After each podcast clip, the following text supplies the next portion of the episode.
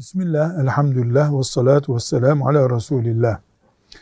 Gökteki görünen ayın yarılması, ikiye bölünmesi mucizesi, Resulullah sallallahu aleyhi ve sellem Efendimizin zamanındaki mucizelerinden biri olarak gerçekleşmiştir.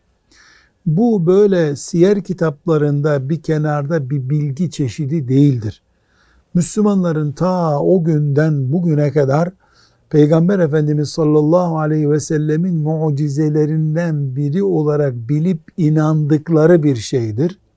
Kur'an-ı Kerim'de buna işaret eden ayet vardır. Müşrikler Efendimiz sallallahu aleyhi ve sellem'den böyle bir mucize gösterip gösteremeyeceğini sordukları akşam bu olmuştur. Böyle bir vakıa ayın gökte ikiye bölünmüş görüntüsü ümmeti Muhammed'in inandığı Kur'an'a dayanarak Peygamber Efendimiz sallallahu aleyhi ve sellemin bilgilerine dayanarak inandığı gerçeklerdendir. Velhamdülillahi Rabbil Alemin.